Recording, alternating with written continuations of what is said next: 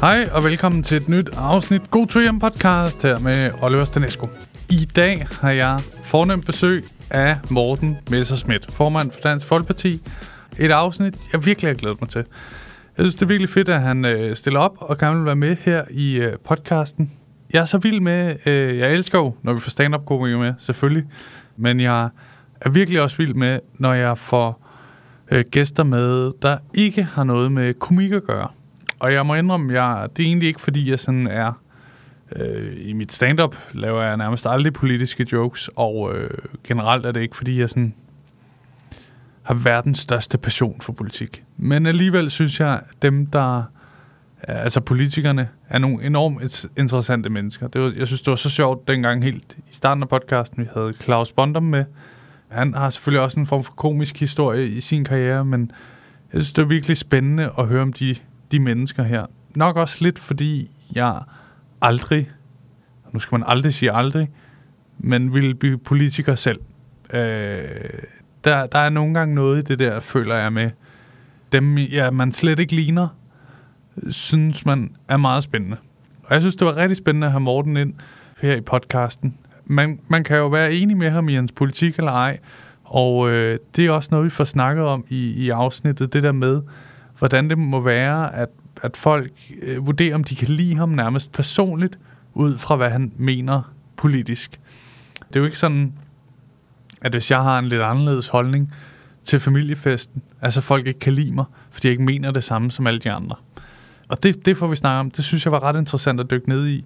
Derudover så, øh, så, så synes jeg virkelig, at han er en sjov fyr. Vi, vi griner en del gange, og det er første gang, vi har mødt hinanden, så det er jo altid lidt spændende, sådan, hvordan kemien ligesom er. Også når vi sidder her i studiet, jeg, jeg blev helt selvbevidst, øh, kunne jeg mærke, da vi, da vi mødte hinanden. Øh, jeg sidder og optager inde på Comedy Zoo, da, da jeg øh, tog imod ham en indgang. Jeg har valgt at tage sådan et helt gråt øh, tracksuit øh, på med hættetrøje, og øh, så kommer han i, i blazer og, og fin trøje. Og jeg tænkte, øh, måske lige i dag, Oliver, skulle du have haft taget en skjorte på. Måske det. Det, det er lidt mere uniformen, når jeg sidder over for en stand-up-komiker og sidder i hættetrøje og, og træningsbukser.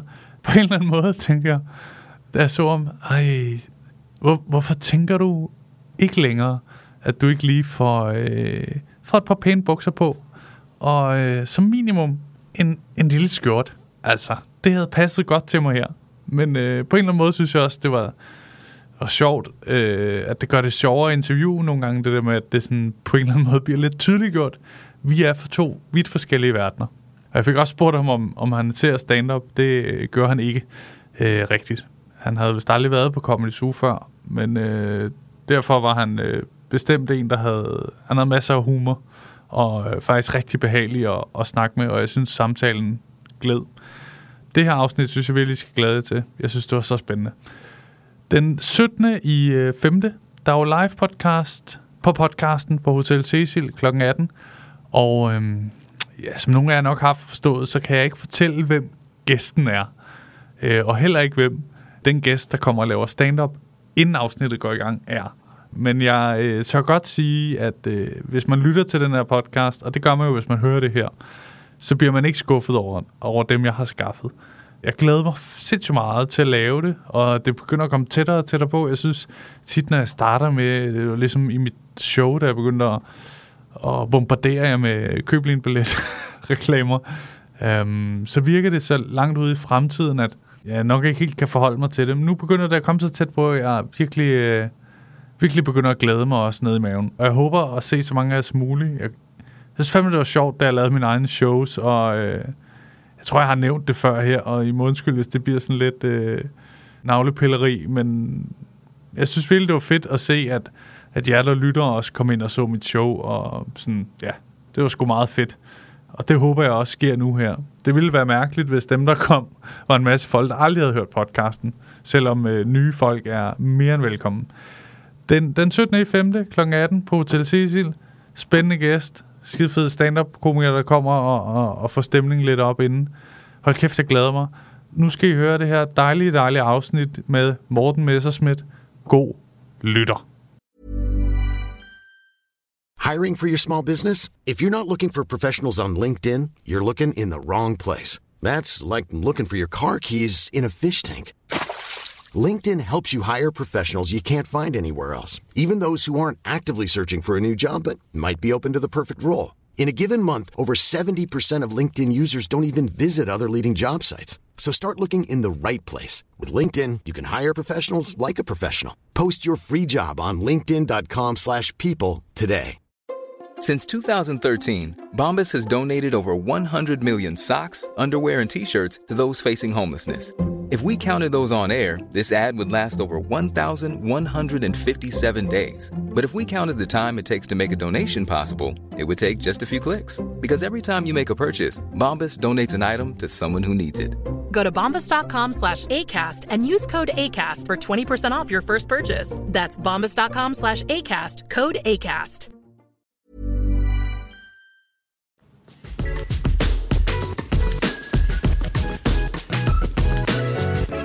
Hej og velkommen til God Tur Hjem podcast, Morten. Jo, tak. Fantastisk, du være med. Jamen selvfølgelig.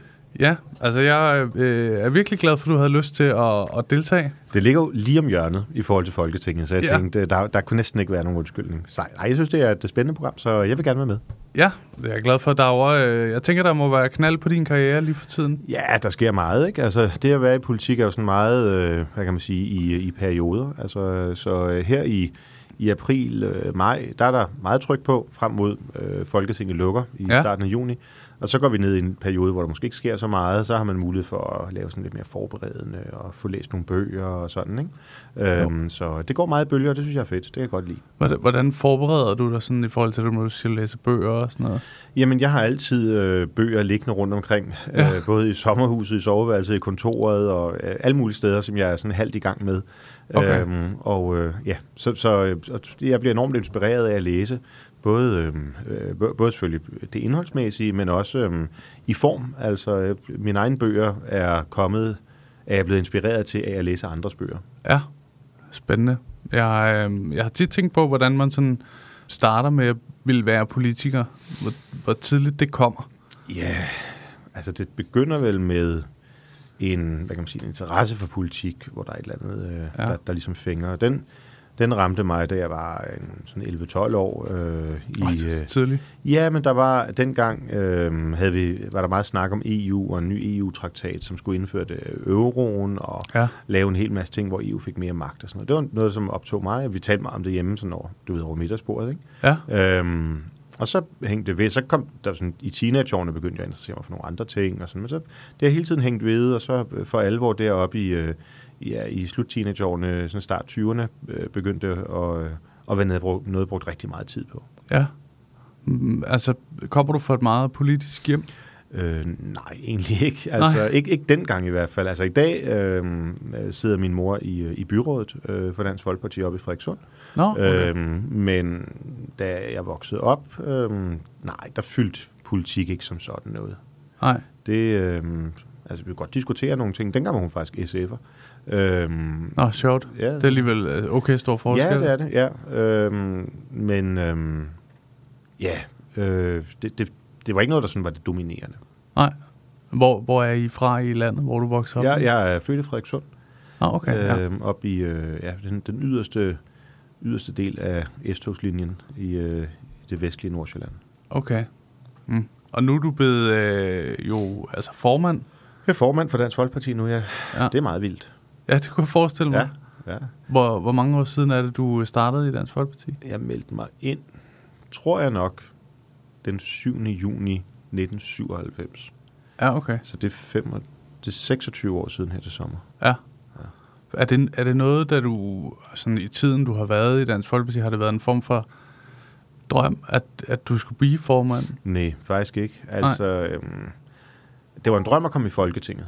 Øhm, og det, det, der blev jeg valgt i 2005. Ja. Og, øh, og så, øh, det, har jeg, det synes jeg var enormt fedt. Og så kom Pia en dag og sagde, at nu synes hun, jeg skulle stille op til Europaparlamentet, fordi ham, der sad der for os på det tidspunkt, han ville stoppe. Mm. Og det var jeg ikke sådan helt vild med, men lå mig ligesom overtale. Og så sad jeg jo der i 10 år. Ja. Øhm, og det var enormt spændende. Øhm, og så ville jeg gerne tilbage til Folketinget igen, fordi det synes jeg er det sjoveste.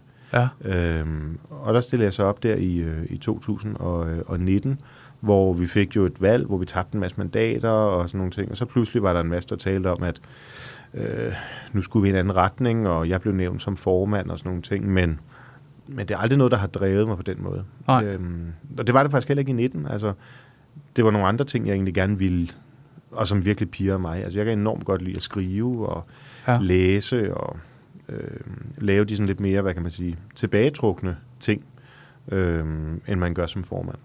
Ja, jeg tænker da også, øh, Pia må være en, en stor figur i Dansk Folkeparti, ikke? Pia er jo en vild person. Ja. Altså, hun har 40 års jubilæum her til næste år som folketingsmedlem. Ikke? Alene det Ja, øh, er, jo, er jo en fantastisk bedrift. Øh, har stiftet et parti, har betydet så meget for Danmark, den første kvindelige formand for Folketinget. Ja. Øhm, så øh, en stor inspiration, øh, og øh, ja, en stor sådan, livskraft i, øh, i, i partiet. Men det er også vigtigt for mig, altså når man er, når man er formand, så også prøve ligesom at skabe et landskab, hvor du ved, øh, alle kommer til ord, og der ikke er nogen, der overshiner, selvom man måske har en diva, eller hvad ja. Ja. jeg kan sige, øh, iblandt, så, så, sådan så at alle ligesom føler, at, at, at de har en, en, en ret, øh, også selvom man måske kun har siddet i Folketinget et halvt år. ja. Men det er også sådan i forhold til, når hun så øh, begynder at, jeg føler, at hun har måske presset lidt på og sagt, øh, nu, nu du være, være klar til næste skridt, eller Ja, tænker, jeg, der må være en eller anden form for klap på skulderen, eller... Ja, altså Pia øh, kom til mig der, jeg kan ikke huske, hvornår det var, men Nej. hun sagde, at, øh, at hvis partiet skulle tilbage på sporet, så, så synes hun, at jeg skulle gribe ud efter at blive formand. Og det, det var jeg øh, selvfølgelig enormt taknemmelig over. Jeg var også enormt nervøs ved det, Ja, for kan jeg finde ud af det?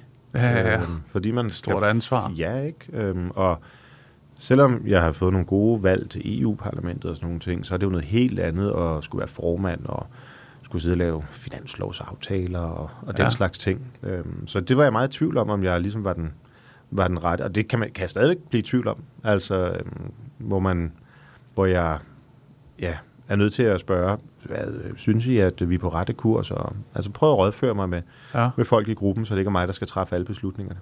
Ja, ja, ja. Jeg tænker også, det er sådan, altså det er jo en, det er virkelig, altså man bliver jo hurtigt den, når man leder, uanset næsten i hvilket lag man leder et eller andet. Om det er et lille bitte firma med tre ansat, men hvis det går nedad, så er det jo dig, der står for mål. Ikke? Mm. Ja, ja. Og, øh, Helt klart. Altså, Øh, og nu, nu er det jo mest gået nedad i min tid, kan man sige. Øh, så det så, men øh, ej, det begynder at stabilisere sig. Altså Ja. to, 2022 var et, øh, det, var et seriøst øh, dårligt år øh, Ja. for, for Dansk Folkeparti og for, og for mig, ikke? Men, men øh, der var også så meget uro. Ja, men altså, ikke? helt sindssygt. Det var jo, vi havde jo folk, der indenfra prøvede at skade partiet, og Ja. øh, ligesom gøde jorden for Inger Støjberg, så skulle lave sit parti og sådan nogle ting. Og det er jo, altså, Ja. det er jo fair nok at skifte parti og sådan nogle ting, men, men, men den måde, det skete på, der må jeg bare sige, det synes jeg var lidt... Øh, ja, det har vi ikke set før på Christiansborg. Nej. Og så var der jo øh, folketingsvalget, hvor vi hele tiden lå der balanceret på spærregrænsen. Det var nærmest det eneste journalist, der gad at spørge mig om. Det Ja. overlevede vi, det klarede vi. Og så var der en straffesag, øh, som jeg havde trukket med i øh, syv år, øh, Ja. om 100.000 kroner, som var blevet brugt på et møde. Øh, jeg forstår, hvis jeg havde stukket med egen lomme, altså, men øh, syv Men- år. Øh, Men det er blevet øh, afgjort nu, ikke? Ja, jo, jo, jeg er totalt Ja. frikendt. Ja. Øh, normalt er det øh, kun tre dommer ved sådan en sag. Her var der så sat fem dommer ind, og alle var enige om, at jeg var totalt uskyldig. Så, øh, så det var fint. Ja, det må have taget hårdt, altså syv år, det er Ja, fandme det lang tid at have sådan en over hovedet. Ja, det slider. Ja. Jeg skulle, jeg skulle sgu bare have taget noget boligstøtte i stedet for. Som vandopslag, så har det kun taget seks dage. ja, men det, ja, det er jo også alt det der, der har virkelig været mange af sådan nogle, fordi, men også i forhold til det der med, nu nævner du selv, Inger laver øh, sit eget parti, ja. Og øh, som, som, altså, da jeg begyndte at kunne stemme, for det er jo fandme øh, ja, 12 år siden nu, Ja, der var Dansk Folkeparti sådan et, øh, som jeg så det i hvert fald, sådan lidt yderparti, og et man også godt kunne lave fra stand-up side, have jokes med, mm. fordi I ligesom stod lidt, lidt uden for de andre af de lidt større partier, ikke? jo. Øh, og med tiden så er der kommet øh, mange af de der mindre yderpartier. Først tror jeg, det var Nye Borgerlige, og ja, så kom Paludan, som virkelig var et yderligt parti. Ja, ja, ja, ja, helt klart. Og Sikander Sa- Sadik. På den anden fløj. Ja. Og Alternativet også. og lige pludselig så føler jeg, at Dansk Folkeparti er et, en form for tæt på midten i hvert fald. Ikke? Jo, på nogle områder. Ja. Øhm, altså det, det, jeg i virkeligheden tror har, øh, har ændret det politiske landskab allermest, det er jo det, at øh, Socialdemokratiet øh, ligesom har skiftet retning på, på ja. en del af deres udlændingepolitik i hvert fald. Ikke? Jo. Hvor da Dansk Folkeparti blev stiftet tilbage i øh, midt-90'erne, der sagde Poul Nyrup, der var leder af Socialdemokratiet dengang, jo, at vi ikke var stuerene. Ja. Altså, vi var sådan nogle, man ikke kunne lave politik sammen med, og det vi mente var farfetched og sådan. Mm. Og, øh, og der er det jo lidt vildt så, at, at Socialdemokratiet så i dag i hvert fald øh, er begyndt at forstå problemerne med, med indvandringspolitikken. Og, mm. og selvom de ikke vil gøre noget ved konventioner og grænsekontrol og sådan nogle ting, så, øh, så siger de i hvert fald, at de, at de vil gøre noget. Så det har jo ændret det politiske landskab meget, og Ja. Øh, og så er det rigtigt, så er der kommet nogle andre partier, som jo primært ligesom kapitaliserer på, hvis man, altså hvis man begår nogle fejl. Altså vi lavede en række fejl der i 15 til 19, tror jeg man må sige. Øhm, Ja. altså var for tæt forbundet med Socialdemokraterne, gik ikke hårdt nok til Lars Løkke og Inger Støjberg for den sags skyld, der jo var integrationsminister, da der var 40.000 syre, der gik op ad motorvejen over det jyske. Øhm, Og det er en, øh, bare for at forstå det, det er en, du siger, det er en fejl, fordi at I sådan, så ikke holder jer en form for lojale til de ja, fordi du ved, ja, altså vælgere, I har. Lige præcis. Ja. Ja. Altså, det var jo det, der gav næring til, at Nye Borgerlige for eksempel kunne opstå. Mm. Ikke? Altså, de kunne sige, at Dansk Folkeparti er ikke til noget alligevel. Prøv at se, nu øh, vader de op øh, flygtningene derop fra, fra Syrien. Hvorfor lukkede vi ikke grænsen? Og Ja. hvorfor væltede I ikke Inger Støjberg? Det er hende, der har ansvaret. Bla, bla, bla. Altså, alt det der, det var ligesom den retorik, som Nye Mm. Borgerlige er bygget på. Men, men det, der gør, at jeg trods alt er sådan relativt afs, eller så afslappet, man kan være i politik, det er, at Altså Dansk Folkeparti er ikke længere et enkelt sagsparti. Nej. Altså, vi er et parti, som er sådan rimelig solidt forankret i, i, den, i det politiske landskab, hører til sådan en, hvad kan man sige, national-konservativ øh, tænkning og så videre, ikke? Jo. Hvor nogle af de partier, som ligesom er kommet for at udfordre, jamen øhm, de forholder sig kun til politik igennem andre. Altså Nye Borgerlige forholder sig kun til politik igennem det, som Dansk Folkeparti så under den tidligere formand ikke gjorde. Og det ah. tror jeg er ligesom svært i længden at holde, holde sådan et, et projekt kørende. Ja. Der er virkelig også kommet meget uro på deres øh, Ja, der kant. har været lidt, ja, ja. der har virkelig været mange sager. Ja. Um, men ja, jeg kan egentlig, det er egentlig rigtigt, når jeg tænker over det, det at de der partier, uh, altså jeg ved ikke, jeg ved ikke, hvordan I tænker om Paludan inde i, er man øh, herude i øh, øh, ved pøblen, hvad jeg vil sige, men også Nej, udenfor. ude i virkeligheden. Ja, der tænker langt de fleste jo, at han er meget langt ude, ikke? Jo, jo, altså, jeg betragter det lidt som et øhm, reality show. Ja, Altså, jeg tror mest, det handler om Paludan. ja. Øh, og jeg, jeg er jo helt principielt enig i, at man skal kunne gøre med øh, Koranen, hvad man øh, sådan mener. Altså, sådan er det jo et frit samfund, og selvfølgelig Ja. er det et, et problem, at man så ikke kan skænde den øh, uden, uden nogle konsekvenser, som man aldrig ville opleve, hvis man skændede Bibelen eller Mm. Toraen, eller hvad fanden ved jeg. Øhm, men, altså, det er et one-trick show, ikke? Jo. Øhm, Og nu fortsætter han i Sverige, ikke? jo. Jeg ved Ja. ikke, om han stadig er derovre, eller om øh, Finland eller Norge står for tur. Om Ja, det er sådan en- en, en, en, en skandinavisk turné, han er på. Ja, ja, ja. ja.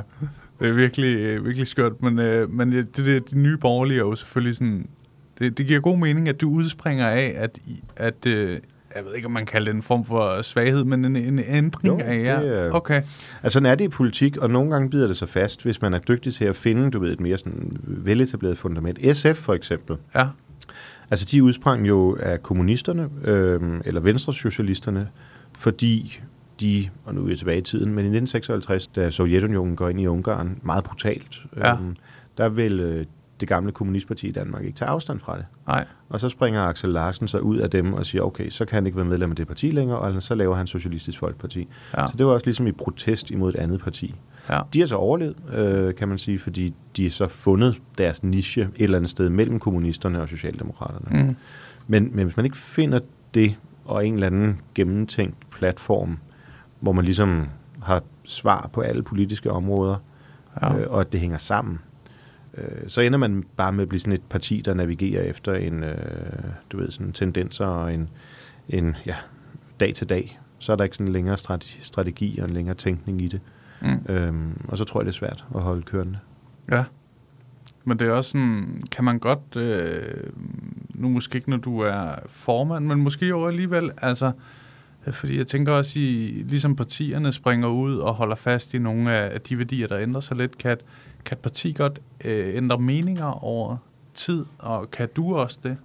Ja, det kan man sagtens. Ja. Altså, som menneske i hvert fald, jeg vil næsten sige, det er mærkeligt, hvis man som menneske ikke Ja. ændrer mening. Jeg mener da, altså da jeg var i teenageårene og 20'erne og sådan nogle ting, der var jeg sådan meget mere liberalistisk og øh, fanden i vold, skal jeg havde svar på alle spørgsmål og nogle ting. Det tror jeg, alle 20-årige har. Ja, ja, ja. Øh, ja, du er jo selv i det. Eller er du lige fyldt 30? Jeg er lige fyldt 30, Ja, ja, okay. ja. ja. så begynder du at nærme dig den kloge alder. Det er jeg øh, glad for. hvor, hvor, hvor det, ja, jeg er 42, Ja. øh, og det er sådan, det som er det fede ved at komme op i 40'erne, det er det der med, at man egentlig har det fint nok med, at man ikke har alle svarene. Ja. Og jeg sådan hviler mere i mig selv, og Ja. der er mere ro på. Jeg kan godt lide at gå i kirke, for eksempel. Ikke? Mm. Hvor det kunne jeg aldrig have gjort, da jeg var 28, der havde jeg bare tænkt, det er jo totalt overtro, og idioter, der spilder deres tid på det. Og sådan noget, ikke? Det er der synes det er hyggeligt og fedt, det der med, at der måske er nogle ting, man ikke lige selv ved og forstår. Ja. Er du kristen? Mm, ja. Ja. Jamen, jeg, jeg er også medlem, men jeg, jeg må indrømme, jeg ser ikke mig selv som kristen. Nej, men, men, det gør du måske om 10 år. Øh, Ja, det, det, sagtens, det kan sagtens være, at det ændrer sig. Jeg øh, min, min far er, øh, jeg er halv rumæner, min far er Ja. rumæner. Ja. Og, øh, Er de så ortodoxe? øh, ka- eller? han er katolik. Katolik? Ja. Ja. Øh, men han er, jeg føler, han er kristen, ligesom, altså han er katolik, ligesom jeg er kristen. ja. For han er også sådan, han siger, han er det, men Det er lidt ligesom med familie, tror jeg. Altså, ja. øh, at der er nogle perioder i livet, hvor man måske ikke synes, det er det fedeste at komme til alle familiefesterne. øh, og det er de samme mennesker, det er det samme, man spiser, det er de samme, de siger, og det er den samme, der bliver fuld hver gang. Jeg gider det ikke, ikke? Men så når man kommer lidt op i, måske bliver lidt ældre og sådan nogle ting, så er det faktisk meget fedt at have den der base. Ja. Det er Ja. meget fedt at mødes med de samme mennesker, og egentlig høre de samme historier og sådan nogle ting. Ja. Så er man et andet sted. Og det, på samme måde tror jeg, det er med kirken, at øhm, der er perioder i livet, hvor man ikke rigtig forstår det, men senere hen, så har det faktisk en værdi, at man hænger fast. Ja. Mm. Så det, det kan også være, det, det jeg hører er, at det er sådan også med til med alderen, når man bliver et mere helt menneske måske, og ikke er lidt Jeg mere tror, man- åben også ja, måske, ikke? Jo, jeg tror, jeg er åben. Altså man finder ud af, at man, øh, at det behøver sgu ikke være så perfekt. Og der er nogle Nej. ting, man ikke kommer til at nå, og, og det er okay. Og øh, lad nu, lad nu bare de andre tage guldmedaljen, så sidder jeg og kigger på. altså det er fint nok. Ja, man har mere ro. Fuldstændig. Ja, Ja. det er rart. Ja. Øh, det, det er et godt sted at være i livet. Mm. Men det er, det er også sjovt, som øh, jeg synes, når man ser de der debatter og sådan noget, lidt i forhold til, at du er et godt sted i livet. Nu, nu begynder du at være sådan en, når jeg sidder og kigger på de der debatter, hvor man tænker, han er en af de erfarne. Øh, det er næsten som om, at de også lytter mere. Ja. De andre, jeg ved ikke om... Øh, altså nogle gange kan man have, med al respekt for øh, Sikander for eksempel, Ja, ja. men der kan man have, ah, det er den nye dreng. Ja. Han laver fodfejl. ja. Og så en gang imellem, så øh, Lars eller Mette eller dig, du ved, dem der har været, man har set i mange år, ikke? Ja, så samler man lidt op. Ja, Ja. så Ja, siger jamen, de, det er nok. ja, fin pointe, det kan jo så ikke lade sig gøre, men øh, Ja. agtigt, ikke? Ja. Øh, Jamen, det, altså, man, op, man får vel en eller anden form for, øh, sådan, hvad hedder sådan noget, ikke autoritet, men, men det, altså, man bliver jo også mere øh, bare, øh, hvad hedder sådan noget, resilient, øh, modstandsdygtig ja. På en eller anden måde, ikke? Altså, i, i der, da jeg lige blev valgt, der var jeg 24, hvilket i sig selv nok er alt for tidligt at blive valgt til, til, til ret meget andet. ja, jeg kunne i hvert fald ikke forestille mig at være en del af sådan noget. Nej. Men øhm, der var det sådan, alle angreb skulle bare pareres tilbage, mm. og alt skulle besvares. Hvor i dag, der er det sådan, du ved, ja ja, altså det går nok. Ja, Lad den nu bare. Vi, vi fokuserer på de store ting. ja, Øhm, det kan jeg godt lide, at være, at være nået dertil, hvor man ikke sådan hisser sig op og øh, bare skal ud og jage alle pointene hele tiden. Jeg tror, der er en værdi i ja. at være i ro nogle gange. Jamen, bestemt, det, det er jo også meget rart at se på. Det er også det, der gør, at man kan gå igennem kriser. Ja, Altså, man skal gå igennem syv år, hvor alle stand-up-komikere kalder en for kriminel og øh, alt muligt, ikke? Så er det meget godt at have lidt is i maven. ja, ja, ja. Jamen, vi er til far for, at det mit eget fag, så kan man jo godt lige hive fat i det. I det sådan åbenlys, ikke? Og det er lidt nemme nogle gange. Det gode ved Meldt-Felt-sagen for mig, det er, så kunne I endelig lade være med at tale om Grøften-sagen. Åh oh, ja, Fordi, den, øhm, den var også en ting i lang tid. altså, jeg synes, det der er det underlige ved stand-up-komikere, det er, altså, det virke, det, det, den, den Samtalen ændrer sig lidt nu. virkelig en fravær af kreativitet. Ja, Altså, når man tænker på, hvor mange dumme ting, der bliver lavet på Christiansborg, så er det, øh, og sjove ting, så er det virkelig meget det samme, man ja. vender tilbage til. ja. Jeg tror, det tit handler om, at man skal jo finde de referencer, alle er med på, ikke? Jo. Og så, øh, så bliver det... Før i tiden, så kunne man jo køre lidt på, at øh, Dansk Folkeparti ikke øh, ville have nogen indvandrere til landet, ikke? Ja, ja, ja. Øh, Jeg tror men- men... stadig ikke, vi vil. I hvert fald ikke dem fra de muslimske lande. Nej, nej, men, men nu er der altså kommet nogle andre, der virkelig siger det Nå, lidt mere ja. skarpt, ikke? Ja, ja, Så nu er, det, nu er det blevet sådan en... Det, det er udvandet på en eller anden måde, Ja. og, eller det er i hvert fald en gammel reference. Ja, ja, det er rigtigt. Jeg tror aldrig, jeg har lavet den, for eksempel. Altså, Nej. jeg tror, den var ved at dø, da jeg begyndte at lave stand Hvornår havde du din debut? Øh, for snart seks år siden. Ah, Okay. Der, der, hvor, hvor gamle er alle nye borgerlige? er? De må være sådan De er fra 4-5 år. 15-16 stykker. Nå, nej, de er 16, så gamle? Ja. Ja, okay. Ja. Ja, Men så der, ja, så det giver det god mening, at der var de allerede kommet, som de har Ja. virkelig været skarpe i retorikken, Helt klart, ikke? jo, jo. Jo, og så giver det ikke længere mening at ligesom gå efter DF på den. Nej, nej. Så har vi været leveringsdygtige i så meget andet. for mig har det jo, øh, jeg ved ikke, om det gør dig glad, men for mig har Dansk Folkeparti altid stået som, Nå, det er dem, der øh, passer på de ældre. Mm. Og det gør mig meget glad. Ja. Det betyder det enormt meget. Det er det, det har stået for. Faktisk, øh, det, det, min far sagde, det er sjovt, men jeg kan huske en gang, øh, jeg spurgte min far, da jeg kunne begynde at stemme, Ja. hvad han stemte. Øh, og han er jo som sagt øh, flygtet til, fra ja, fra Rumænien. Til Rumænien, det, ja, ja. Han, var, han boede i Rumænien under Ceausescu-styret. Så han er sådan, ja, flygtet hertil og fik sådan en dansk kone og alt sådan noget. Øhm, og han sagde, jeg stemmer på Dansk Folkeparti. Og dengang, der havde jeg jo lidt det der øh, øh, rygte med, at der ikke måtte være nogen øh, fremarbejdere, Ja. ja. så at sige. Ikke? Ja, Øh, og så sagde jeg, far, det er, jo, det er jo dig, de vil smide ud. Så sagde han, ja, jeg, jeg tager altså gerne en for holdet. det var sådan en kørende joke, han havde på det. Altså, jeg sad jo i Europaparlamentet blandt andet med øh, rumænere. Ja, Og øh, jeg har oplevet et meget stort sådan, hvad kan man sige, fællesskab med, med de østeuropæiske politikere, fordi mange af dem er jo sådan lidt mere bevidste om deres identitet og kultur og Ja. traditioner og sådan noget. Hvis man har levet under kommunistregimet øh, regimet der, hvor man Mm. ikke måtte være rumænsk, men skulle være sovjetborger Ja. og sådan noget, så tror jeg, man bliver lidt mere bevidst om, at det har en betydning at have en nationalitet. ja. Og det, det, det synes jeg var meget fedt i forhold til mange danskere, der sådan sagde, at hvis, nah, hvis du er meget dansk, så er du nærmest racist, ikke? Jo, Øhm, er det blevet en dårlig ting at være dansk? Ja, det var en dårlig ting Ja. at være dansk dengang. Ja. Det, det er ved at ændre sig nu, synes jeg. Ja, jeg synes godt nogle gange stadig, det kan have lidt i sig.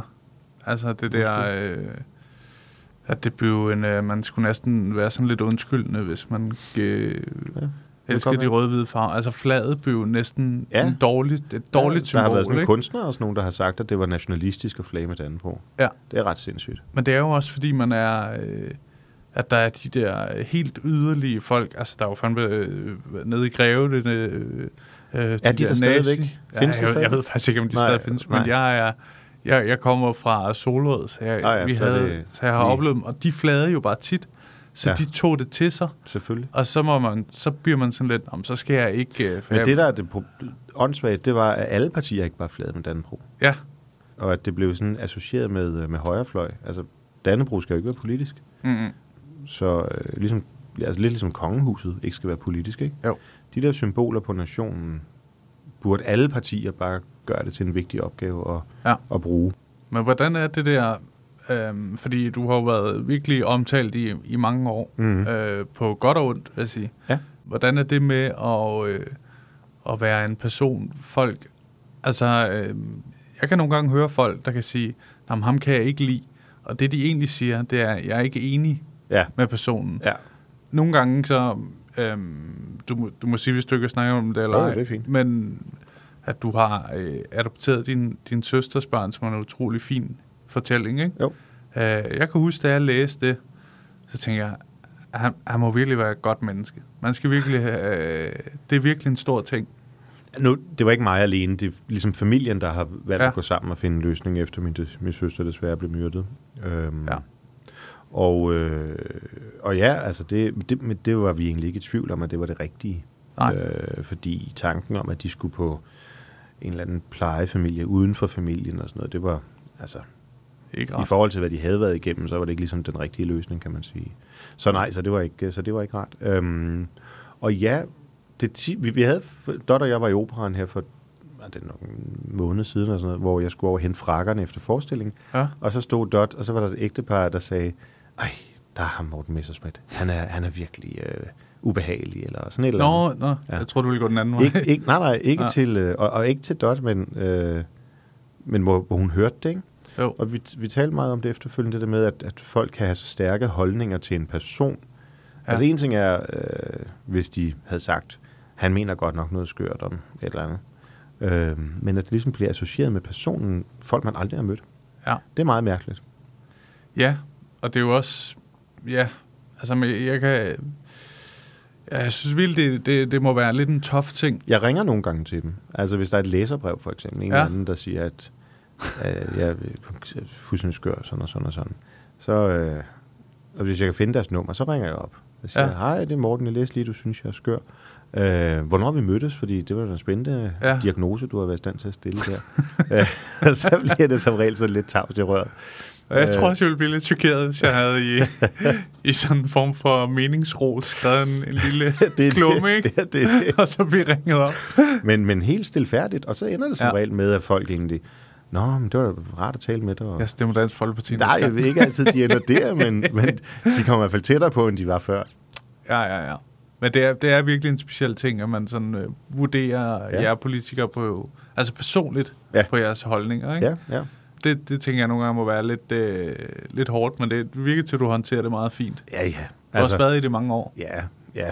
Alt for mange. Hvad, hvad, med, det, hvad med Dot? Øh, har hun også altså Ja, hun skulle virkelig vende sig til det, fordi ja. altså, hun var selvfølgelig en offentlig person, inden vi mødtes, fordi hun jo er kendt fra øh, Bakkens Hvile og Syngepigerne Ja. og sådan noget. Men jo slet ikke i det omfang. Nej. Altså, så, øh, og, øh, altså, jeg bilder mig ind, de fleste danskere ved, hvis man siger Dot og Morten, så ved man godt, hvem det er. Ja, Og, øh, og det, det, det skal tror man jeg også er rigtigt nok. Ja, det, det, det skal man helt klart vende sig til, og det, Ja. nogle gange er det grænseoverskridende. Øhm, nogle gange, hvis man sidder på en restaurant for eksempel, og folk bare sådan helt, du ved, spontant kommer over, eller, eller har siddet og lyttet med. Jeg, jeg har prøvet nogle gange, at folk sidder og lyttet med i en samtale, og så sender mails og spørger, kan du ikke lige uddybe sådan og sådan, fordi det lyder enormt spændende. Altså på en uh, samtale, de Ja, overhørte? vi, vi talte på, det, vi talte, det er nok nogle, det er nogle år, år siden nu, så sad vi Dot og jeg talte om, hvor vi skulle holde min 40-års fødselsdag. Ja. Øh, og øh, det er sådan noget, man, du ved, tilrettelægger en rundt fødselsdag. også. Ja, det er en meget Ja. ja. privat ting, ja. Hvor jeg fik en mail dagen efter en eller anden, der sagde, at han skulle også snart holde en fødselsdag, om ikke lige kunne sende adressen til det sted, vi havde talt om, fordi det lød meget fedt. Nå. Så, Nej, Ja. ja. bland dig udenom øh, Ja. ja. vores privatliv, ikke?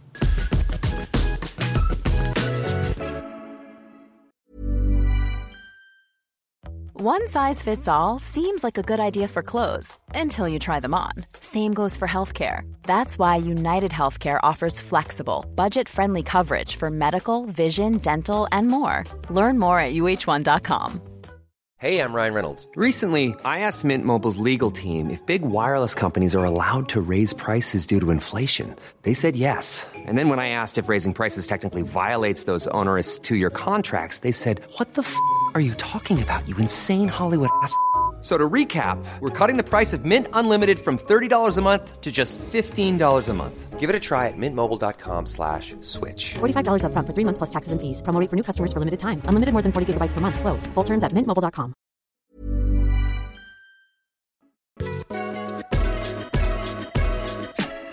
Er I enige politisk? Der er Dot.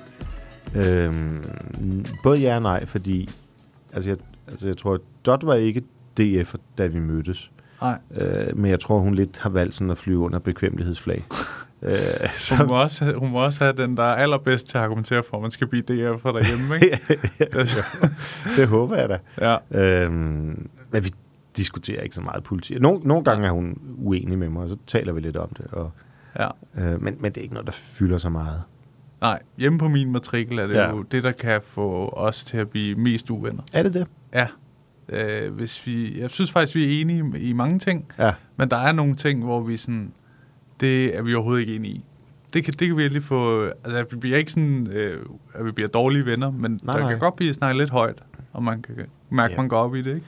Altså, jeg, når, når vi har middagsselskaber, så øh, kan der jo også være masser af ting, men, man er uenig om og sådan noget. Men ja. jeg gider ikke rigtig tale politik. Nej, Altså, så siger jeg, hvis, hvis der er nogen, der insisterer, så spørger jeg bare, er, det- er det virkelig vigtigt? ja, for jeg har lige fået fri. Ja, præcis, Ja. ikke? Ja. Jeg har lige stået seks timer i folketingssalen. Ja. Så, øh, men, men klart, hvis det er vigtigt for dig, at vi får talt om det her, så gør vi det. Ja, ja, ja. men, øh, og så kan folk som regel godt sige, at, sige, at det måske ikke er, er så vigtigt igen. Ja, ja, ja. Men det er også sådan, jeg kunne godt forestille mig, det, det, det øhm, hvis jeg skal prøve at drive en parallel, jeg tror, mm. Lidt ligesom at være stand-up-komiker, der er folk, der siger, Nå, kan du ikke uh, sige noget sjovt? Eller, Ja, præcis. Man skal være sjov i privatlivet også. Eller, øh, jeg har også nogle i min familie, uden at nævne navn, der jeg kan mærke, når jeg er der, der prøver at være ekstra sjov. Ja, sådan, for at få, få mig til at grine. ja. Så jeg kunne forestille mig det også for sådan... Er det, er det ikke en... øh, At man er sådan, det, det ville da give god mening at køre samfundet på den her måde. Vil det ikke, Morten? Jo.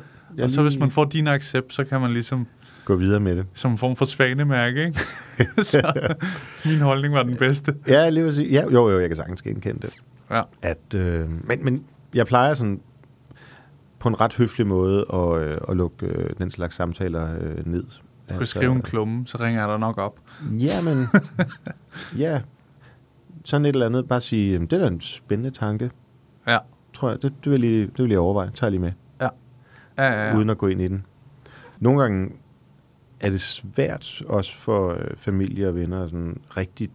Og, altså politik er jo meget forskelligt, om man ligesom er på forbrugersiden Ja. eller på producentsiden. ja.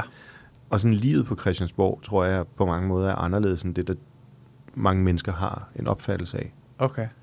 Øhm, og derfor kan det nogle gange være, være svært sådan at lukke folk ind. Altså Dot ved det jo, fordi hun er jo en del af det hver dag. Ja. Men sådan, hvis man ikke har en øh, sådan daglig kontakt og sådan noget, kan det også være lidt svært. Ja. Altså, hvordan, hvordan svært? Det er ikke sikker på, helt Fordi, forstår. fordi der er jo et spil øh, i politik. Du ved, hvis man har et forhandlingsforløb, så Ja. foregår der jo en hel masse i forhold til, hvornår vil du godt have øh, for eksempel nogle ting ud. Nu vil vi lige lavet finanslovsaftale. Ja. Og øh, der kommer jeg selvfølgelig som DF'eren med en masse tanker og forslag, jeg godt vil have ind. Og så vil man jo gerne have noget af det ud, mm. sådan så pressen ligesom ved, om det er Dansk Folkepartis mærkesager, og hvordan øh, øh, positionerer de sig og sådan nogle ting. Ja. Og øh, hele det spil, også i forhold til andre, der så skal være med, og hvornår melder man ud, og hvad gør man og sådan nogle ting. Meget af det foregår jo også, du ved, med, at man, så tager man nogle snakke med kommentatorer, så de ligesom er klædt på, måske en uge før noget kommer ud. Og, sådan. Nå. og hele det spil er jo øh, meget svært, tror jeg, for folk, sådan i bred forstand måske, at, øh, at forholde sig til. Ja. Fordi de ser det jo bare, når produktet kommer ud. Ja. Og, og derfor kan det øh, ja, nogle gange være svært, at skulle lukke folk ind i maskinrummet. Ja. Det kan jeg godt forstå. Er det, hvordan fungerer sådan en, en dag egentlig på Christiansborg? Øhm, altså dagen er meget forskellig. I dag mødte jeg for eksempel 7.30, øhm, og havde en, øh, der var ikke så mange andre på kontoren, så det var fint, så jeg havde lige en halv time og, øh, og forberede mig. Så havde jeg et interview på telefonen med en avis, øhm, og så havde vi øh, sådan et øh, morgenmøde, jeg har hver tirsdag, Ja. med alle vores pressefolk og politiske øh, konsulenter, hvor vi taler om ugen, der går, og lægger et spor for øh, SoMe, øh, presse og debatten i salen. Ja. Øhm, og så har vi gruppemøde her kl. 12, efter du og jeg har talt sammen. Og så skal jeg i, øh, i salen, og der er spørgetid med statsministerne, hvor det er også formænd, der, der skal krydse klinger med, øh, med fru Frederiksen. Ja. Øh, så i aften har vi gruppemøde, øh, aftengruppemøde, hvor vi spiser sammen i folketingsgruppen og også har det lidt hyggeligt og sådan. Okay. Så, så d- dagene er, altså, og i går var helt anderledes. Og i weekenden var jeg i Jylland, hvor vi åbnede et nyt partikontor. Og altså, noget af det fede ved at være... Og var du over at klippe en form for snor? Ja, vi havde en, græn, en, grænsebog, en grænsebom, jeg hævede. Er det rigtigt?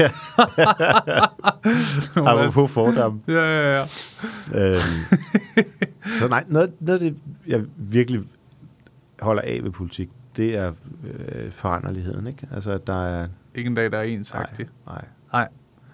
det er fedt. Mm. Ja. Kunne du, kunne du forestille dig at nogensinde være med i et andet parti? Nej. Nej. Nej, så vil jeg bare lave noget andet. Okay, så vil du... Øh, hvad, hvad er din øh, baggrund egentlig? Jeg, jeg er jurist. Ja. Og altså, Dot har jo... Man kan- man familie kan har godt lidt høre det. på. Kan man høre det? Er jeg jurist? Ja, men nej, det er en fordom også, jeg har Ja, på jurister. Nej, Min nej. kæreste er jurist Nå, også. okay. Ja. Og øh, nogle af hendes venner, de, øh, de, de snakker lidt pænere. Nå. Du snakker også meget pænt. Jeg, jeg elsker Ordentligt. sproget. Jeg synes, det er... Ja. Jeg interesserer mig rigtig meget for sproget. Jeg ville faktisk, da jeg gik i gymnasiet, var det min drøm, at jeg ville læse etymologi Ja. eller filologi, som er sådan en sprogvidenskab. Ja. Men det synes min mormor ikke rigtigt, at hun kunne se, at der var nogle penge i. Så øh, hun tænkte, kunne du, ikke, kunne du ikke blive jurist? Ja. Nå, okay. Så gør Og den er man. også sikker. Ja, så- Så har, har man sikret sig en, okay indkomst. Ja, det her livet, land er jo totalt styret af tøffer. ikke? Ja, ja, ja. ja, det er rigtigt. Nå, okay, så du, du kunne aldrig finde på, men det, så du, hvis du ændrer din holdning, jeg kunne forestille mig, hvis, jeg ved næsten ikke, hvad det kunne være. Lad os sige, at du begyndte at tænke, det er måske ikke så vigtigt med de ældre mere. Jeg ved godt, det er sådan lidt hypotetisk, Ja. men som er en ret stor ting for Dansk Folkeparti. Vil du så, hvad, hvad vil man skulle gøre, hvis man... Så vil jeg blive væltet som formand. Jeg så vil sige, Altså, altså, så- du, du så bærer vil- ikke vores værdier længere. Ja, det vil, det vil partiet korrigere. Øhm, så så det, på den måde fungerer tingene, men altså, der er jo nogle områder, hvor man godt kan sådan justere kursen. Øhm, Ja. Altså, vi var i en periode under den tidligere formand sådan meget socialdemokratiske, Ja. og, og gjorde sådan en dyd ud af at skulle læne os op af Mette Frederiksen, og bare jo også i vidt omfang til, at hun ligesom kunne uden kritik få lov til at skifte retorikken der på udlændingepolitikken. Mm. Og der, der har jeg så valgt at sige, at vi, vi er nødt til at vende tilbage til ligesom et borgerligt udgangspunkt. Ja. At vi går ind for, for at gøre de ældre det bedre, handicappede det bedre, god sundhed osv. Mm. Men vi er et borgerligt parti. Det må man ikke ligesom være i tvivl om. Øhm, så for eksempel kom vi med en melding om, at vi gerne vil fjerne registreringsafgiften for biler op til 500.000, sådan så flere har mulighed for at få sig en, en god bil, i stedet for at køre rundt i noget gammelt skrammel, som mange Ja. danskere gør i dag. Ja. Og, øh, og det er jo sådan lidt et, et, et, ikke et kursskifte, men måske en kursjustering. Ja. Øh, det kan man godt. Men vi kan ikke, øh, vi kan ikke lige pludselig opgive sådan hjerteblod som de ældre, eller, eller modstand mod udlændinge, øh, eller hvad hedder mellemøstlige udlændinge. Og sådan. Altså, der, der vil folk sige, den, den er sgu gal. der, så, så, så, står de med høvetyvene nede på, øh, på slotspladsen. Ja, ja, ja. Men det er også forståeligt nok, fordi det, der skal være jo en eller anden form for, altså man, øh, ellers vil vælgerne jo heller aldrig blive lojale og sådan. Nej, det er jo det. altså, Man skal jo kende et parti, ikke? Ja. Ja. Hvad synes du om den nye regering? Øhm, altså, jeg er ikke stor fan. Mm. Øhm, jeg prøvede egentlig fra start af at give det en chance. Øh, tænke, okay, øhm, der var jo knaldrødt flertal i Folketinget. Ja. At få en regering hen over midten, at det kan i min optik ikke blive værre, end at Pelle Dragsted skal svinge takstokken. Mm. Men jeg synes, det de har lavet med Stor Bededag og sådan nogle ting, det synes, det, der, øh, det, det synes jeg virkelig er at, øh, at, at, at snyde folk. Ja, det virker lidt sådan udefra os, synes jeg. Ja. Det virker sådan lidt som at gøre befolkningen lidt dummere, end de er. -agtige. Ja, altså at lave sådan... For det første, at de ikke engang har gjort den ulejlighed at finde nogle økonomer, der rent faktisk kan bakke op og sige, at der kommer flere penge i kassen. Ja. Øh, og fjerne noget, som...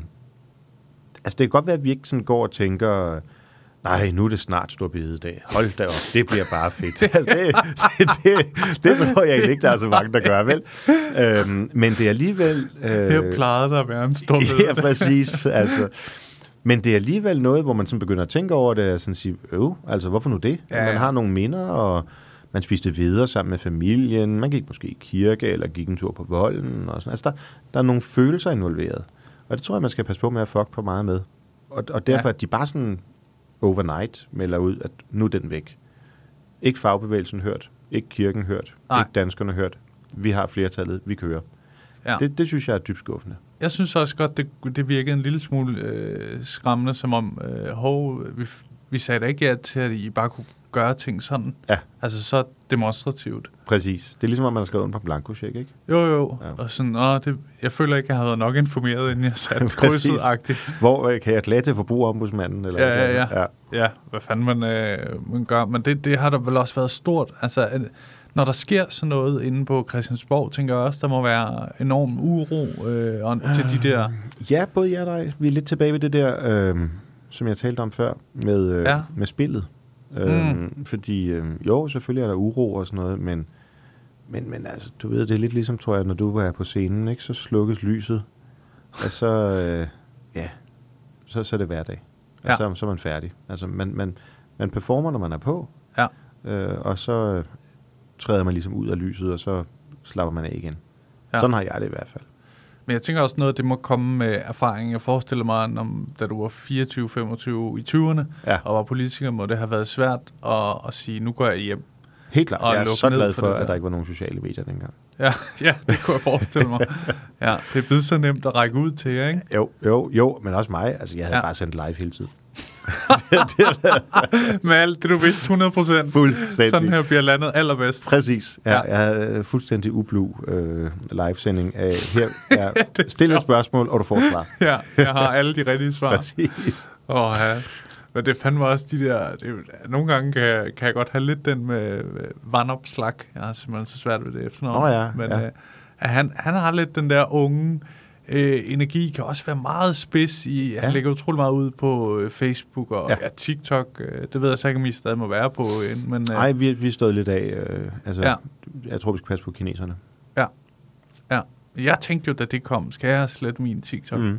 Jeg har nogle gange også følt, at jeg er faktisk blevet for gammel til at være på det medie alligevel. Jeg tror, hvis du har noget liggende på din telefon, som du ikke har lyst til, kommer til at ligge på et offentligt forum, så er det en god idé at slette den. Ja, og man har jo selvfølgelig kort og... Billeder? Ja. Jamen, jeg, jeg tror faktisk ikke, jeg vil blive så ramt af... Nej, nej, men det er jo godt nok. Hvis man ikke har noget at skjule, så er der ikke noget galt med overvågning. Jeg tror mere, jeg vil tænke sådan, hvor, hvorfor synes jeg, det er sjovt at mobbe mig? Ja, Nå, du skal jo bare, altså, ja, altså kineserne er ekstremt opmærksomme på dataindsamling. ja. Øhm, og, øh, og jo helt kyniske i deres øh, metoder. Så man kan da sagtens... Altså nu siger jeg bare, hvis nu en eller anden ungdomspolitiker i dag har nogle sjove billeder liggende af sin kæreste, eller Ja. sig selv i byen, eller, eller et eller andet, øhm, de kan jo også ligge på en eller anden kinesisk server om 10 år. Ja. Så øhm, ej, jeg, jeg, jeg, at de der spion-apps, øh, tror jeg, man skal holde sig fra.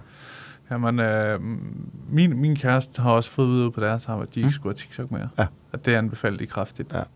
Men det er det- selvfølgelig surt, øh, når man er kongen af TikTok. øh, at få at vide, at kongeriget bliver lukket ned. så, øh, så må han blive, hans karriere væk under ham. så må han må blive kongen af In- Insta. ja, men det er lidt sværere jo. Ja. Der er jo lidt mere voksen publikum, ikke? Ja, det er det. Ja. Ja. Det skal ikke være nemt. Nej, nej, men, men hvordan, jeg, nogle gange, når jeg ser de der videoer, som han har været, virkelig været fører, øh, øh, han, eller hvad man skal sige, mm. På at lægge ud, hvor han virkelig godt til, til Mette og sådan noget. Ja. Er der den der skarpe retorik, når I lærer de der, eller er det også bare... Kun når der er publikum på. Ja, okay, nå, ja. Ja. det er sådan en ting. Ja, ja. Ja. Når vi sidder og forhandler og sådan nogle ting, så er det foregår det i en meget fordragelig atmosfære. ja. Jeg tænkte også, det må da være sindssygt stressende, hvis der Ja, bare ja. står sådan en ung ihærdig politiker hver gang op, og sådan, Hvad det er. gider du at stoppe med at Ja, nævne de præcis. mængd hver andet sekund, altså. Nej, nej. Ja. Det, øh, ej, altså, det, når, når kameraerne kører, og øh, projektørlyset er tændt og sådan nogle ting, så giver man selvfølgelig hele showet. Ja. Men, øhm, men når vi sidder og skal finde... Altså, der er jo, ingen, der er jo ikke nogen, der gider at have en eller anden siden for bordenden, der hele tiden holder skåltaler. Altså, Nej, nej, det er jo, så, så må man jo sige, okay, er du her for at lave en aftale, eller så gå ud og sige, vi er idioter? Ja, ja, ja.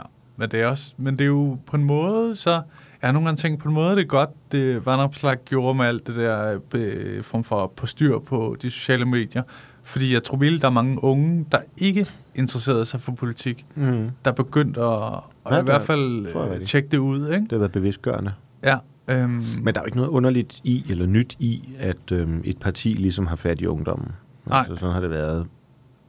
Altså, jeg havde det i 14, Ja. ja. 2014. Dengang, der, der var Facebook selvfølgelig til stede og sådan nogle ting, og vi kunne mærke ja. det øh, der. Men, men især sådan, du ved, på skoler og sådan noget, der var bare en stemning. De radikale havde det i valget, var det 2007, tror jeg. SF fik det ved valget efter. Altså, der er sådan en modetrend, der ligesom går på tur. ja, Øhm, og så er der nogen, der har tur i den. ja, Men det sjove er, at de tager jo typisk fra deres egen fløj. Altså, vandopslag er blevet stor, og Venstre er blevet lille. ja, ja, så det er på bekostning af... Ja. Jeg tror kun, det er Dansk Folkeparti, der har været gode til at trække røde vælgere. Ja. Måske på grund af det med de ældre, som du nævner, ikke?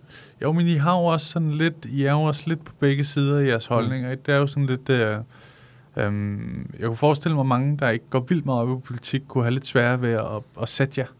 Ja. Fordi at, øh, for eksempel, du nævnte det der med afgifter for biler, som mm. er, er, er lidt over i de, de blås øh, kategori, og så er der det med de ældre og handicappede, som mm. Mm. er sådan meget øh, sympatiske øh, holdninger, der er sådan, Ja, altså vi plejer at sige, hvor vi skal ligger støtte om sådan, de øh, svageste, ikke? Præcis. Er vi sådan på, altså på øh, fordelingspolitik og velfærdspolitik, der ser vi os selv som et midterparti.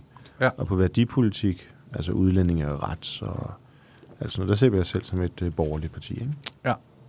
Hvad, hvad, er det, øhm, hvad er grunden til, sådan, at man har lidt hård udlændingepolitik? Hvad er det, man er øh, bange for, så at sige, eller man vil undgå?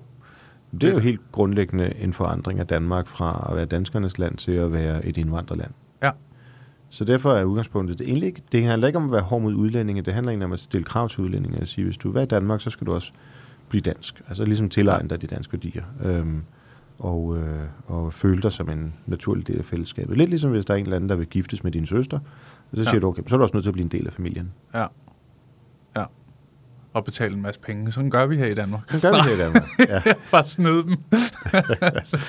det koster selvfølgelig 4 millioner, det er jeg ked af. Det, Det er, det er noget, der er lovbestemt. Ja, ja det er præcis. Bare volde I gamle dage havde man det jo med, øh, at, at når, når en pige skulle gifte sport, skulle man betale, hvad det hed? Øh, Det kan jeg ikke huske. nå, der er sådan, nå, det er vi forladt. Ja. Nej, jeg er egentlig ikke så meget optaget af det der med pengene. Altså, Nej. det er, sådan, det er nok mere vandopslag i virkeligheden. Der har det sådan, at udlændinge skal være i Danmark, hvis de tjener penge. Og sådan. Altså, der har, jeg det, har det egentlig mere sådan, hvis de passer ind i sådan det folkelige fællesskab og taler Ja. sproget og forstår humoren, er en del af, du ved, livet, så er det fint for mig. Ja. Ligesom din far. Ja, men han, han lærte faktisk, øh, har han tit bladet som øh, dansk på et halvt år. Nå ja, fedt. Øhm, Romansk synes jeg er et enormt spændende sprog. ja, Øh, og når jeg bliver fuld, så, så, så, så, så føler jeg, at jeg kan forstå det. ja, Øhm, Dan Jørgensen og jeg, vi havde for nogle år siden sådan en tur rundt i Europa med Danmarks Radio, Mm. hvor vi blandt andet skulle til Rumænien. Og hvor vi var ude hos sådan en borgmester i Transylvanien et eller andet Ja. sted. og op ved Dracula Ja, ja, vi kom ikke på slottet, men Nej. Det var deroppe af. Og så drak vi, hed det Palanka. Sådan en snapseagtig ting. Der er jo Slibovic i hvert fald, ikke? Ja, Slivovic. Og så, men jeg, fik, jeg synes, Palanca det må være en mildere en, ikke? hed, Ja, det kan godt være, men, men det var ikke det sted, Emil. Nå, okay. Øhm, og, øh, og vi blev så fulde, og, øh, og, og jeg, jeg, jeg havde latin i gymnasiet, og øh, taler lidt fransk og italiensk og sådan, og jeg følte mig fuldstændig overbevist om, Ja. ja. at øh, det der romanske, det var det er jo et romansk sprog. Ja. Men øh, ham borgmesteren, han så totalt vildfart ud i øjnene, da jeg prøvede at sige noget. Men det er jo også sådan et, et blandingssprog. Ja. Altså, der er, der er faktisk en lille smule russisk i det. Nå, er der det? Okay, der står jeg så og, af. øh, ja, ja, men det, og så er der også øh, noget spansk og italiensk. Der er nogle, aford, Ja, der er latin. nogle ord, der, er, ja, Ja. der næsten øh, rammer helt. Ja. Øh, når man tæller, så kan det lyde øh, meget spansk. Skal jeg lige prøve at tænke mig om. Øh, det starter nemlig sådan her. Uno, dos, tres, patrocins, shabde, opno, okay. setje. Tror det. Tror Okay, det. Setche, det er syv. Ja. ja. det er jo også tæt på. Ja, så det, det kører sådan... Øh, Ja. Ja. Jamen, det er nok det, jeg hørte, ikke? Og så derefter, så gik vi over til alfabetet, så var det det helt andet. ja, ja, ja. Det er spændende, men- jeg ved, at min far, men hvis øh, han nogle gange har følt det er svært at få, få venner her. Nå, hvornår var det, han kom? Jamen, hvad fanden har det været? Det er, øh, han er, hvad Er han, det i tre- 89, Ceauche- Ceausescu dør? Ja, det er, og så er det lige før der, ikke? Ja. Så det er sådan noget 88, 88 tror jeg. Okay. Nej, det havde været 87, fordi min storebror kom i 88, og der havde de været her lidt. Okay. Men at han har nogle gange følt, dengang han kom, ved jeg, øh, jeg vil ikke sige racistisk, men ham, ham holdt lidt ude af samfundet, og han virkelig skulle, virkelig skulle vise, at han ville være en del af det, for Ja. at han ligesom blev lukket ind, ikke? Øhm, Ja, altså, og man, jeg tror, der er... Altså selvfølgelig skal man bare sådan helt menneskeligt, hvis man kommer udefra, så er man nødt til at komme med en eller anden form for ydmyghed. Altså Ja. man er ikke nødt til at komme, man skal ikke komme og være underdanig og have den i hånden og sådan noget, men, men et eller andet, okay, øh, må jeg få lov at være med her? Ja. Men så er det klart, når man så ligesom bliver en del af det og gradvist, så skulle man også gerne blive accepteret. Ja. Det, det, det tror jeg også, han føler nu. Jeg, jeg ved bare dengang, øh, jeg føler også, at landet har ændret sig utrolig meget siden 87, ikke? Tror jeg rigtigt. Øhm, men ja, mig og min storebror har, øh, øh, vores mor døde for, øh, hvad er det, 12 år siden nu, Okay. ikke? Og nej, 13 år siden. Og øh, der troede vi, at han ville flytte tilbage til Rumænien. Okay. Øh, fordi vi også ligesom var flyttet hjemmefra, ikke? Ja, Øh, der er de også jo, hvad kan man sige, blevet et helt andet land, Ja. Rumænien. men det, det valgte han så ikke at gøre. Nej. Så, så han må være blevet... Ja, vi troede bare, at han altid havde været her lidt for vores skyld og Ja. min mors skyld. Og, Ja, men øh, nu kører hans liv jo også her, ja ikke? det er fint. Har han fået en ny kone? Øh, ja. Ja. Cool. Ja. Det, altså, det, at man gifter sig eller finder sammen med, har venner og så videre med danskere, Ja. ja. gør jo enormt meget. Altså mange af de problemer, vi har, er jo fordi folk fra øh, visse dele af Mellemøsten ikke rigtig interagerer med danskere. Og når Ja. de gør, så er det ikke med den mest positive tilgang. Øhm, så hvis man gerne vil integrere, så er man også nødt til at finde ud af, hvad er det for et samfund, man er blevet en del af. Ja, det, det er jeg enig i. Men han, han, han er sådan heldig, han har spillet meget tennis og sådan noget, så han ja. ja. er blevet tennistræner nu også nede i, er det Køge eller sådan Ja. Ølby, tror jeg, eller Ja. noget, sådan noget. Fedt. Øh, og der kommer over nogle, øh, Sport er, altså danskerne er jo sportsfanatikere, ja, ja, øhm, hvilket gør mig enormt udansk. Går du ikke noget op i noget sport? Nej, ikke det fjerneste. Ej, jeg er jo kæmpe tenniselsker også. Er det rigtigt? Ja. Ja. ja men, Med Holger Rune må du... Jeg har set overskrifter med ham. Ja. ja. Jamen, det er Jeg jo... har også mødt ham engang. Er det rigtigt? Ja, vi var i er den samme, øh, samme God Aften Danmark-udsendelse. Mm. Øh, meget sympatisk fyr. Hvor du kunne sige, jeg aner ikke, hvem du er, men Ja. held og lykke. Ja, men jeg, jeg, jeg læste det jo øh, i præsentationen. Åh, jeg- ja. Nå, det er dig, der holder Rune. Ja, han er fandme spændende, synes jeg. Ja, at ja. vi har fået, ligesom. Karoline Wozniacki Lige også, præcis. ikke? ja. Og- ja, det er sjovt, at... Altså, vi har hele tiden nogen, der ligesom er sådan lidt verdens stjerner Ja. på forskellige sportsgrene. Men vi, vi altså, i taget betragtning af, hvor små vi er, mm. så er vi virkelig dygtige til sport. Det er det. Ja, det er så spændende. Um, Og det, meget andet. Ja, ja, ja. Øhm, ja, hvad tænker du? Stand-up? Stand-up? øhm, nej, altså er det, er det ikke lidt begrænset af sproget? Jo, jo. Det Jeg tror, det er... Øhm, altså, sproget er jo altid svært. Vi, vi, vi prøvede i Europaparlamentet at se om... Fordi jeg fik et rigtig godt valg der i 14, øh, hvor jeg fik, tror jeg, tredje flest stemmer i, i. Ja. i EU. Øhm, og så tænkte vi, at nu skulle vi virkelig prøve at se, om vi kunne gøre mig til en europæisk politiker. Ligesom nogle af de britiske var. Ja. Øh, Nigel Farage for eksempel. Og, sådan. Øhm, og, og det gik okay, men, men sproget er virkelig en barriere. Ja, Fordi du skal, tænker jeg, både når du er stand-up-komiker, og sådan set også når du er politiker, du skal kunne være sådan spontan. ja. Og, hvis, og det er svært, hvis ikke det er på dit modersmål. Jamen, jeg er helt enig. Jeg, er- man mister den der hurtige... Præcis. Ja. Sproget betyder meget. Jeg kunne godt tænke mig at høre, hvad vi ender med, eller vi er ved at være ved vejs ende, men jeg kunne godt tænke mig at prøve at høre dig også, øh, hvad du drømmer om inden for politik. Er det at blive, øh, jeg vil sige præsident, men, men så skal du snakke Det overlader jeg til dron- det der overlader jeg helt til dronningen. Ja. Øhm, jamen, jeg, hvad drømmer jeg? Jeg drømmer egentlig om, at Dansk Folkeparti øh, skal øh, selvfølgelig tilbage i en anden størrelse, end det vi har nu, og så ligesom blive set som det sådan nationale, sociale, konservative parti i Danmark. Ja. Altså jeg synes, konservatismen er jo igennem årene blevet sådan meget associeret bare med at være erhvervsvenlig. Ja, Øh, ben Benson, det var øh, noget med øh, øh, skatterne på øh, til Mærsk og lavere skatter og skatter og skatter. ja. Øhm, og i dag der er det så skatter og udenlandsk arbejdskraft og skatter og øh, lidt med registreringsafgift. Altså, ja. Du ved, det er sådan meget øh, økonomisk orienteret. ja. Hvor, hvor jeg synes, at det at være konservativ er lidt noget andet. Øhm, så så, så det, det er sådan min, min drøm, øhm, og at vi, at vi kommer derhen. ja. Så ikke at blive statsminister.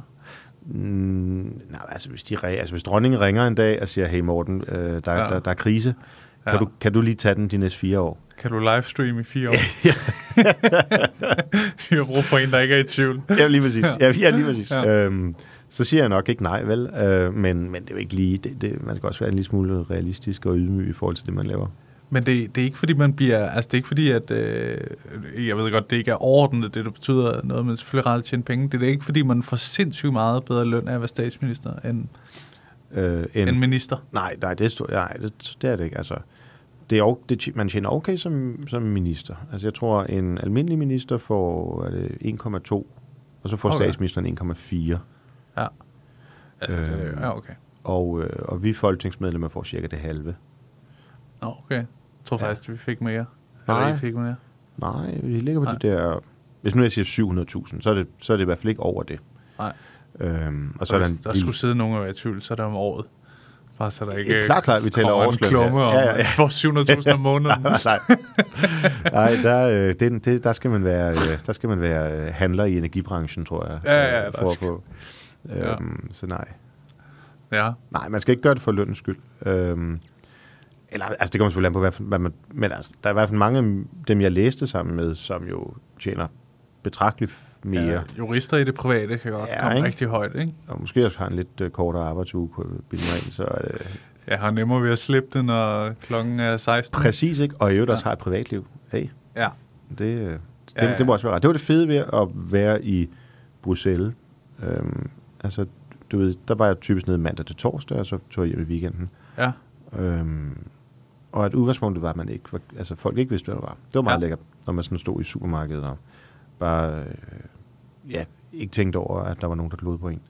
Ja. Øhm, så Kunne købe sin frysepizza i fred, fordi uden der ikke nogen, det. der, uden der, er nogen, der forholder sig til, om der nu er PFAS i plastikket. Og Ja, ja, ja.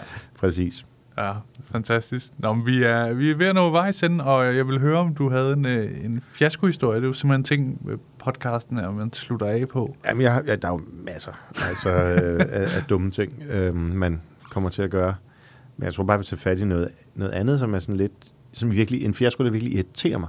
Ja, Øhm, jeg er jo i, øh, jeg nævnte Dot tidligere, og Syngepigerne mm. Bakkens Hvile og sådan noget. Der har jeg den glæde at være bartender. Næsten hver aften, når der er show. Nå, gør, altså gør du den øh, nu? Ja, ja ude, Ej, hvor når sjovt. der er premiere her den 31. Ja. maj, og så, så kører vi, så står jeg der. Og, øhm, og, jeg, og jeg kan simpelthen ikke lære de der drinks udenad. Det er så irriterende. Så folk kommer op øh, og siger, øh, jeg vil godt have en Darken Storm. Jeg siger, "Uh, jamen, fortæl mig lige, hvad det er. Altså, rom cola kan jeg håndtere. Det kan jeg Ja. håndtere. Men det irriterer mig virkelig. Altså, jeg, jeg, kan, jeg har lært, jeg kunne hele retsplejeloven udenad. Tusind paragrafer. Øhm, Du kan ikke lave en men jeg, jeg, kan ikke, jeg kan simpelthen ikke huske de der ingredienser. Det synes jeg er enormt Kæft, det er irriterende. sjovt. Øh, så jeg har hele tiden opskrifterne liggende foran mig, så jeg kan Ja. lave det, I skal have. Så du må sådan stå og Konstant. mixe lidt, og så... Nå, Ja. ja, okay. Ja, ja. Nå, hvor sjovt. Ja, det er da også sjovt, at du er dernede. Det er enormt fedt. Du skal komme ud og se Ja, lige før det... Det er jo den ældste, ældste form for stand-up i Danmark. Ja. Det er syngepigerne. Ja. Det er ret fedt.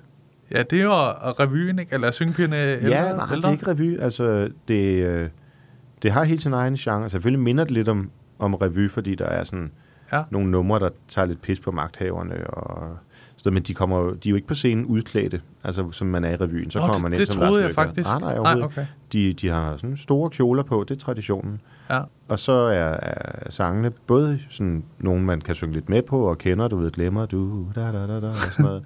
men, men også nyskrevne ting, altså Ja. Nils Olsen for eksempel, kender du? Ja. Han skriver tekster til Bankens Vilde, Sigurd Barrett gør. Åh. Øhm, så nogle af de der folk, der også skriver til revyerne. Dygtige folk. Ja. Ja. Så kom ud og se det. Ja, det vil jeg meget gerne. Mm. Det er jo også, så kan man om ikke andet få en, en form for gæstebartender-oplevelse. Jeg vil meget gerne lave en Darken Stormy. ja. Jamen, det vil jeg elske at prøve at se, om jeg kan få det til. Eller noget andet. Eller en rom og cola. Eller bare en øl. en øl må du kunne klare. En øl kan jeg håndtere. Ja. ja. Tusind tak, fordi du ville være med. Det var super Morten. spændende. Det Tak, var virkelig måtte. hyggeligt. I lige måde.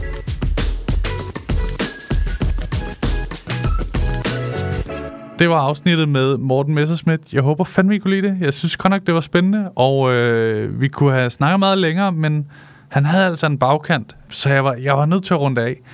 Jeg havde ellers øh, en del flere spørgsmål. Øhm, faktisk så... Øh, jeg plejer jo at, at, at bryste mig af, skråstrege blære mig lidt med, at øh, jeg ikke forbereder mig øh, til de her afsnit, men det her afsnit, der havde jeg skulle forberedt mig lidt. Og øh, jeg har skrevet nogle spørgsmål ned på telefonen. Jeg kiggede dog ikke på dem, men, øh, men jeg havde dem lidt i baghovedet, så jeg havde egentlig meget mere, jeg gerne ville spørge om. Han var også utrolig selvkørende at snakke med. Det er lidt forskelligt med, med hvordan gæster er, men han, han var sgu meget, øh, spurgte om noget, så, så synes jeg, han, så tog han lidt selv derfra. Og, øh, så det var virkelig hyggeligt. Det kunne måske være sjovt, hvis han ville være med igen en anden gang, men øh, jeg tror, han er travlt. Jeg håber, I kunne lide afsnittet. God tur hjem.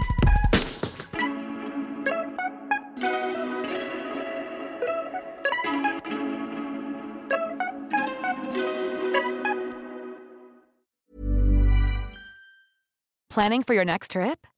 Elevate your travel style with Quince. Quince has all the jet setting essentials you'll want for your next getaway, like European linen, premium luggage options, buttery soft Italian leather bags, and so much more. And is all priced at 50 to 80% less than similar brands. Plus, Quince only works with factories that use safe and ethical manufacturing practices.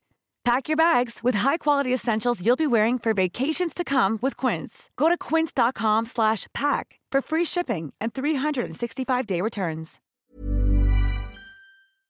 Hey, lige en hurtig ting her med jer. Som I ved, så er grunden til, at I kan lytte til den her podcast helt gratis, jo fordi jeg engang imellem laver de her sponsorerede samarbejder. Og denne gang har jeg lavet et samarbejde med Just Drive. De har været så søde at låne mig deres lækre Nissan Qashqai, og grunden til, at jeg ligesom har lavet et samarbejde med de her Just Drive, er fordi det faktisk er virkelig nemt og gennemskueligt. Og så har de ingen lange bindinger på bilen, som jeg nogle gange godt synes kan være lidt irriterende.